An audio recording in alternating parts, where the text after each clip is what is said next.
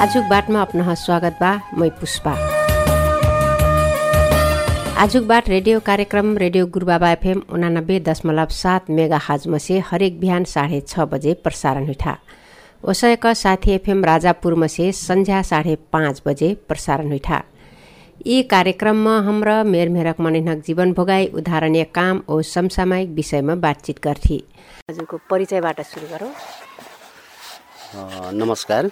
मेरो वास्तविक नाम बिर्खबहादुर सुनार र मलाई सबैले चाहिँ विशाल भनेर चिन्नुहुन्छ र म अहिले बाह्रवर्दिया नगरपालिका वार्ड नम्बर तिन बडगर अध्यक्ष पनि भनिन्छ पहाडी चलाउनु र बडगर पनि भनिन्छ। यहाँले आफूलाई बर्गर भनेर चिनाउन चाहनुहुन्छ कि अध्यक्ष भनेर चिनाउन चाहनुहुन्छ म त्यहाँको कुल बडगर भनेर नै चिन्न चिनिन चाहन्छु। त्यहाँको अब किनभने हाम्रो त्यो चलनमा थियो एउटा सिस्टममा अध्यक्ष बनाए तापनि यो मुख्य चाहिँ मूल बडगर हो भन्ने नै छ। र मूल ब- बडगरको रूपमा म चिनिन चाहन्छु। यहाँ पहिले कहाँबाट आउनुभयो खुरखुरी आउँदा? पहिला सुर्खेतबाट। कुन ठाउँ? तराङ गाविस वार्ड नम्बर छबाट आएको म सुर्खेतको। दुई हजार त्रिसठी सालमा हामी आयौँ। किन आउनुभयो? हामी विशेष गरी अब यो भूमिकै कारण हामी आयौँ। विशुद्ध सुकुम्बासी भएकै कारणले म मात्रै नभएर थुप्रै जाजरकोट सल्यान बाँके बर्दियाका थुप्रै साथीहरूको जमघटबाट दुई हजार त्रिसठी सालमा विशुद्ध सुकुम्बासीहरूको नाममा हामी चाहिँ यहाँ आएका। सुर्खेतमै पनि त सुकुम्बासीहरूलाई त जग्गा दिन्थ्यो होला नि किन त्यति टाढाबाट यहाँ अर्को जिल्ला आउनुभयो त अब त्यहाँको भूमि र यहाँको भूमिमा प्रायः जस्तो परम्परादेखि तराईको भूभागमा बस्नुपर्छ भन्ने एउटा छुट्टै किसिमको मान्यता पनि थियो र परापूर्व कालदेखि राज्यबाट पन्छाइएका अति विपन्न खाना लाउनमा पनि दुःख कष्ट भोग्दै आएका धेरै जमिन जोतेर पनि खाना ला लाउन नपुगिसकेपछि बल्ल चाहिँ हामी यो भूमिमा बस्नुपर्छ भन्ने मान्यताका साथ हामी यसरी बस्यौँ। उता छोडेर आउनुभयो। उता पनि बस्नु भएको थियो होला नि त जग्गा जमिन त थियो होला। जग्गा जमिन अब त्य- त्यहाँको विषयमा भन्नुहुन्छ भने अब त्यहाँ एउटा पहाडी जग्गा हो र कतिपय अब यो ज्वालामुखी विस्फोटन भएर गए र अर्काको हैसियतको अब ठुल्ठुला जमिनदारको जग्गा हामीलाई दिने कुरा पनि भएन। र शुद्ध सुकुम्बासी भइसकेपछि अब डाँडा पाखा पखेर खन्यो भने बनाइनहरूले पनि त्यस्तै समस्या ल्याउने र फेरि खाना नपुग्ने भए हुनाले हामी यतातिर झर्न बाध्य भयौँ। सबै परिवार यता आउनु भएको छ? सबै परिवार छौँ हामी। यहाँको दाई भाइ कति हुनुहुन्छ? मेरो चार भाइ तिन बहिनी घर छौँ। हजुर जेठो? जेठै भन्नु पऱ्यो मलाई अहिले। किन कस्तो भन्नु पर्यो? भन्नुपर्दा अब जेठै हुनुहुन्थ्यो बितिहाल्नु भयो क्या त्यहाँ पछिको माइलो हो। र म जे अहिले अब जेठै भनौँ घरको। सबै सँगै हुनुहुन्छ? अलग अलग छौँ हामी। त्यही बस्तीमा हुनुहुन्छ कि अन्त? यसै बस्तीमा छौँ। अहिले यहाँ कति जग्गा लिनु भएको छ पाउनु भएको छ भनौँ। अब नाममै नभए पनि सुकुम्बासी भए पनि अहिलेसम्म तरकारी खाने यताउता खेतीपाती गर्ने केही त होला। हामीले सबैलाई चाहिँ न्यायचित ढङ्गले पाँच पाँच कट्टाको दरले त्यसरी चाहिँ अनुमानित पाँच कट्टाको दरले चाहिँ विभाजन गरेका छौँ। अहिले यहाँ खुरखुरिया बस्तीको मूल बर्घर हुनुहुन्छ। हजुर। बाह्र बर्दिया नगरपालिकाले बर्घर सम्बन्धी ऐन पास गर्यो भन्ने कुरा थाहा पाउनु भएको छ। अँ यो सूचना मैले अस्ति भर्खरै हेरेँ। हाम्रो चाहिँ वार्ड मार्फत त्यहाँ पनि पुगेको रहेछ बस्तीमा मैले सरस्वती हेरेँ। त्यो एकदम राम्रो लाग्यो। किनभने हिजो नीति थियो न पनि हामीले बडगर गरेकै थियौँ। र नीति आइसकेपछि नीतिमा टेकेर गर्दा झनै राम्रो होला भन्ने खुसी पनि लाग्यो। किनभने हिजो एउटा समाजलाई बचाउनको निमित्त जसले अलिकति जान्छ बुझ्छ र उसैको इसाराबाट चल्ने थियो। र अहिले त्यो बडगरलाई जुन सरकारले मान्यता दियो यसमा म त्यो नगरपालिका निर्णयलाई धन्यवाद दिन चाहन्छु। ए अब यहाँ दलित समुदायको विशाल के अरे के नाम रे? विशाल विशाल विक यहाँ दलित समुदाय बर दलित समुदायमा त बर्घर प्रथा थिएन त फेरि किन बर्घर भन्नुभयो त? यो त विशेष गरी हामी यो भूमिमा आइसकेपछि यो तराईमा आइसकेपछि हिजो अब थारबान राज्य अन्तर्गत अब जब नेपालमा एक किसिमको गणतन्त्र आयो जनयुद्ध चल्यो हामीले त्यो जनयुद्धको बिचबाट पनि अ, थारुबान राज्य भन्ने भयो। थारुबान राज्यभित्र आइसकेपछि थारुबानमा ए यो किस यो किसिमको बडगर प्रथा छ भन्ने हामीलाई अवगत भएर अन्य भाषाले पनि नचिनिने भएको हुनाले बर्गर बर्गर सिस्टमबाट नै हामी पनि अगाडि बढ्यौँ। यहाँलाई अप्ठ्यारो लागेन बर्गर भनेपछि त गाउँको सामूहिक देउता चलाउनेदेखि लिएर गाउँको नेतृत्व गर्ने सबै काम गर्छ। अनि अन्य समुदायहरू बर्गर नभएको समुदायबाट हुर्केको मान्छेले आएर बर्गर चलाउँदा कस्तो लाग्यो? न यो एउटा नौलो अनुभूति पनि हो सिक्ने विषय पनि हो। किनभने अब जहाँ जुन विषयको बाहुल्यता हुन्छ त्यो विषयमा ढल्नै पर्ने हुन्छ। हामी त्यसरी नै मान्यता दिउँ। किनभने यो वर्ग सिस्टम राम्रो एउटाले सिङ्गो समाजलाई हेर्ने अनि चलाउने जुन स्थिति थियो यो नराम्रो थिएन राम्रो थियो त्यो भए हुनाले पनि हामीले यो बर्गर सिस्टम पनि राम्रो हो भनेर हामीले पनि त्यो बर्गर सिस्टम राम्रै मानेको कारण अब पाहाडी समुदायमा यो बर्गर सिस्टम थिएन भन्ने थियो तर अहिले यो सिस्टम राम्रो भनेर उहाँहरूकै देखासिकीबाट यो सिस्टमलाई हामीले स्वीकार गरेका छौँ सहजै स्वीकार गरेका छौँ। यहाँलाई पनि राम्रो लाग्छ। एकदम राम्रो लाग्छ। गर्व छ। गर्व गर्व छ। बर्गर एकदम राम्रो हो। किनभने बर्गरहरूले म- अहिलेसम्म मान्यता पाएको थिएन भने अहिले सरकारी निकायबाट पनि बर्गर एउटा नीति बन्यो कानुन बन्यो। त्यसमा झनै चाहिँ म खुसी छु। अन्य समुदाय अन्य अन्य समुदायहरूले यहाँलाई के भन्छन्? यहाँ के भयो थारूको बर्गर भन्दैनन्? इष्टमित्र अनि अझै पनि पहाडतिर हुनुहुन्छ होला। तिस्ताहरूले केही भन्नुहुन्न? उहाँहरूले सकभर त बुझ्नै सक्नुहुन्न। यो बर्गर भन्ने अब पाहाडतिर हुँदैन। अब त्यहाँको प्रधान हुन्छ पञ्च हुन्छ त्यस्तो हुन्छ मुखिया हुन्छ गाउँको मुखियाली गर्ने मुखिया हुन्छ। तर अब यहाँ आइसकेपछि बर्गर भन्ने कुरा जति हामी यहाँ आएका छौँ त्यतिलाई नै अवगत छ र बाँकीको अब पाहाडसँग त्यस्तो सम्बन्ध पनि हुँदैन हाम्रो। र यहाँ चाहिँ हामीलाई ठिकै लाग्छ।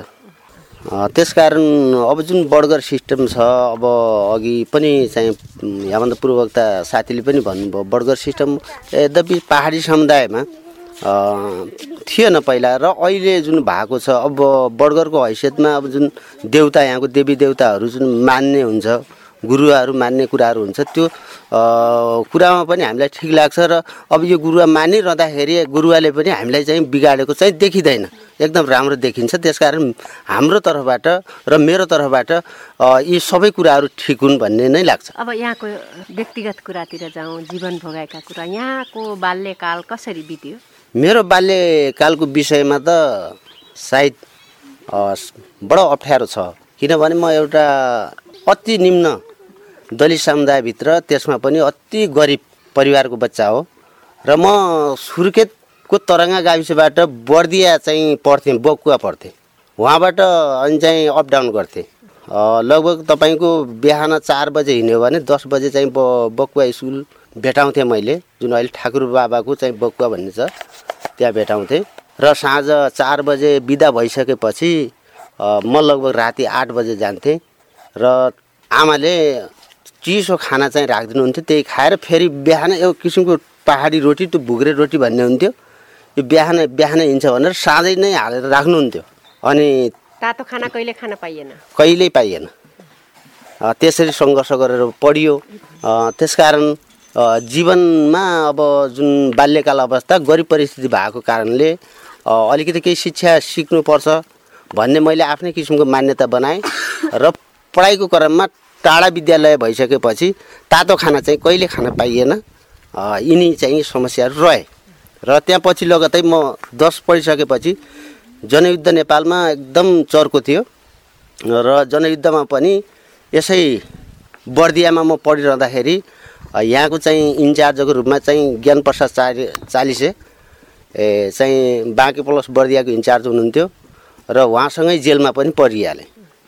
परिसकेपछि पछि कति महिना बस्नुभयो जेलमा? म चाहिँ पैँतालिस दिन नजरबन्द बसेँ र टाकटुक गरेर लगभग तिन महिनामा चाहिँ साथीहरूले चाहिँ विद्यार्थी आन्दोलनहरूले म बाहिर निस्केँ र त्यतिखेर ज्ञान प्रसाद चालिसेलाई चाहिँ मारियो। यातना दिन्थ्यो पुलिस। साह्रै पिर भन्दा त अब पिट्थ्यो भने यातना दिन्थ्यो पुलिसले। अ, यातना भन्दा त अझै पनि घाउचोटहरू छन् थुप्रै यातनाहरू चाहिँ दिइयो। नजरबन्द हुँदा यो आँखाको पुरै भाग चाहिँ सेतो र एक्कासी खोल्दाखेरि यो कस्तो कस्तो चाहिँ दुनियाँ पनि देखियो। त्यो भए हुनाले अब हजुर कालो पट्टी लाग्थ्यो। त्यहाँ पछि विद्यार्थी आन्दोलन हुँदाहुँदै पार्टीमा सङ्घर्ष गर्दा गर्दै यहाँसम्म आइयो। यहाँसम्म आइसकेपछि पनि कहिल्यै पनि शान्त भएन जीवनमा। अब यो भूमिहीन सुकुम्बासीको सेक्टरमा पनि आएर कतिले वनमा बस्यो कहाँ बस्यो भनेर पाहाडतिरबाट जुन व्यक्तिहरू झरे अशिक्षितका कारणले उहाँहरूलाई थाहा हुँदैन। नभइसकेपछि अलि जान्ने हैसियतमा हामी चाहिँ अगाडि बढ्यौँ सङ्घर्ष गऱ्यौँ थुप्रै गर्दा गर्दा पनि अठपन्न घर त चाहिँ बलले एकचोटि फालिहाल्यो। त्यो पनि एक किसिमको मानसिक यातना नै भयो। त्यसरी त्यसरी नै यिनी जीवनहरू बित्दै आए ठुलै सङ्घर्ष भए। अहिले अब सङ्घर्ष गरेका साथीहरू सरकारमा रहँदाखेरि अलिक खुसी लाग्छ हुन्छ कि भन्ने पनि छ। आशा छ हुन्छ भन्ने छ। अब बाइदबे भइदिएन भने अझै पनि यो टेन्सनै रहने हो कि भन्ने पनि लाग्छ कता कति त्यो भए हुनाले अब जीवन यस्तै यस्तै बिते कहिले सहज बितेन? जस्तै यहाँले दससम्म पढ्नुभयो एसएलसी पास गर्नुभयो? म अन्डर एसएलसी हो।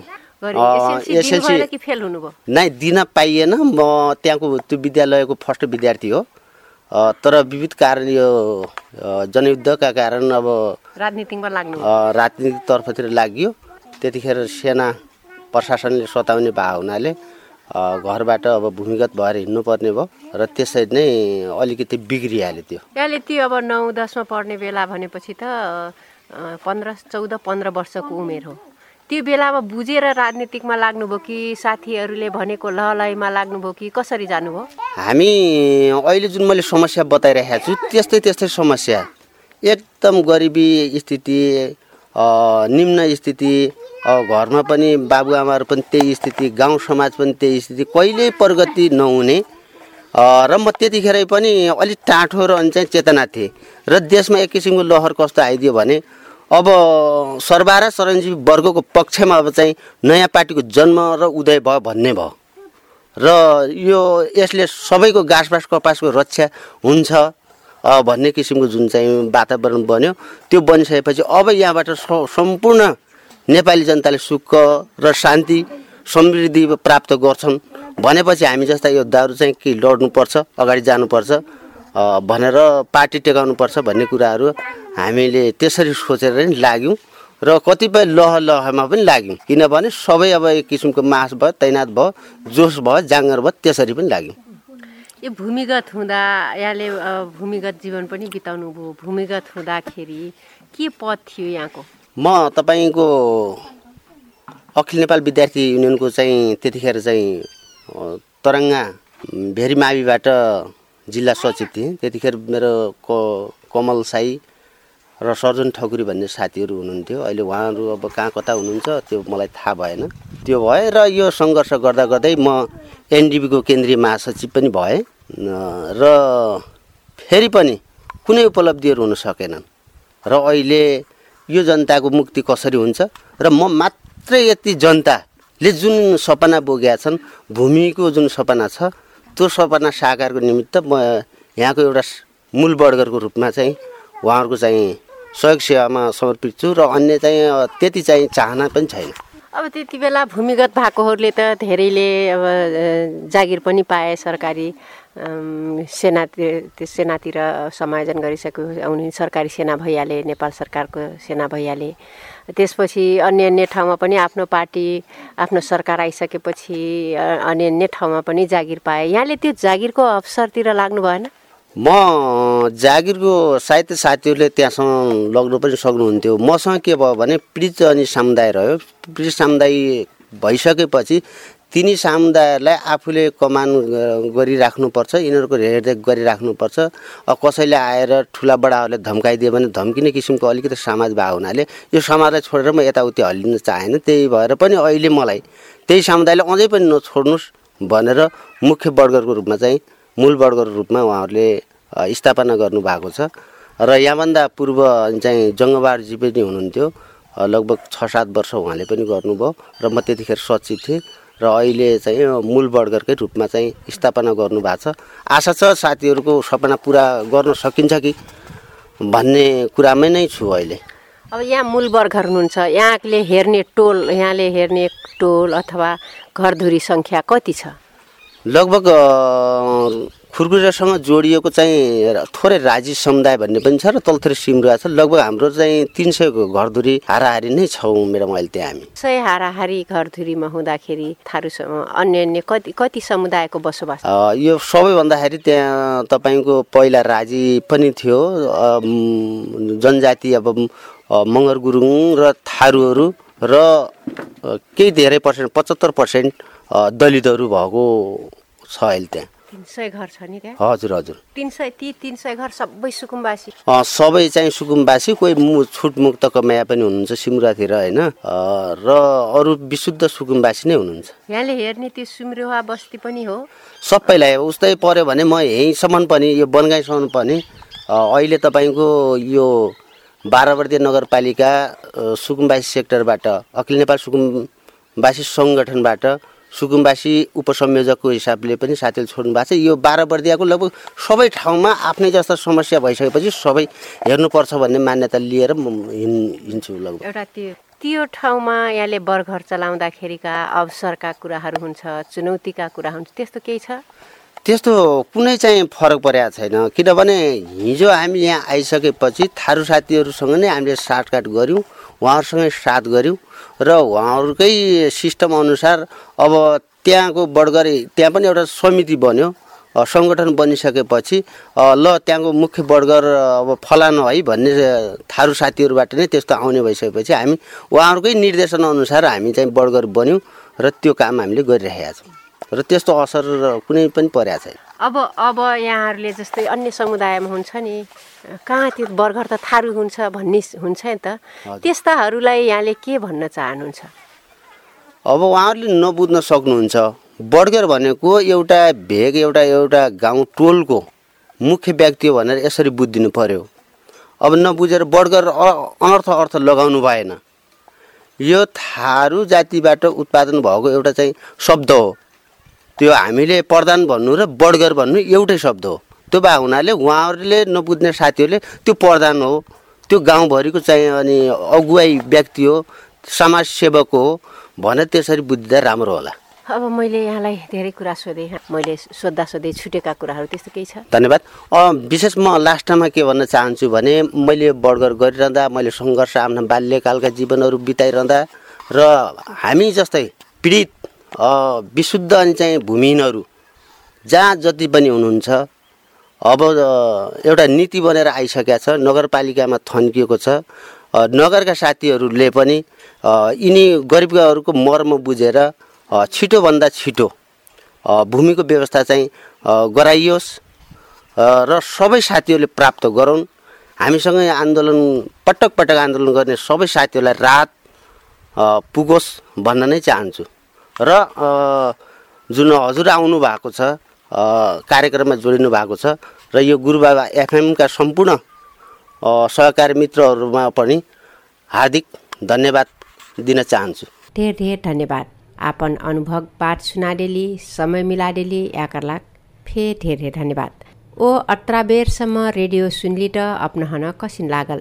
अपनक मनमा ज्या जसिन लागल ओ सहे सल्लाह सुझाव दिए जिन बिस्रेबी। वाकर लाग हमार फोन नम्बर हो शून्य चौरासी चार चार शून्य चार।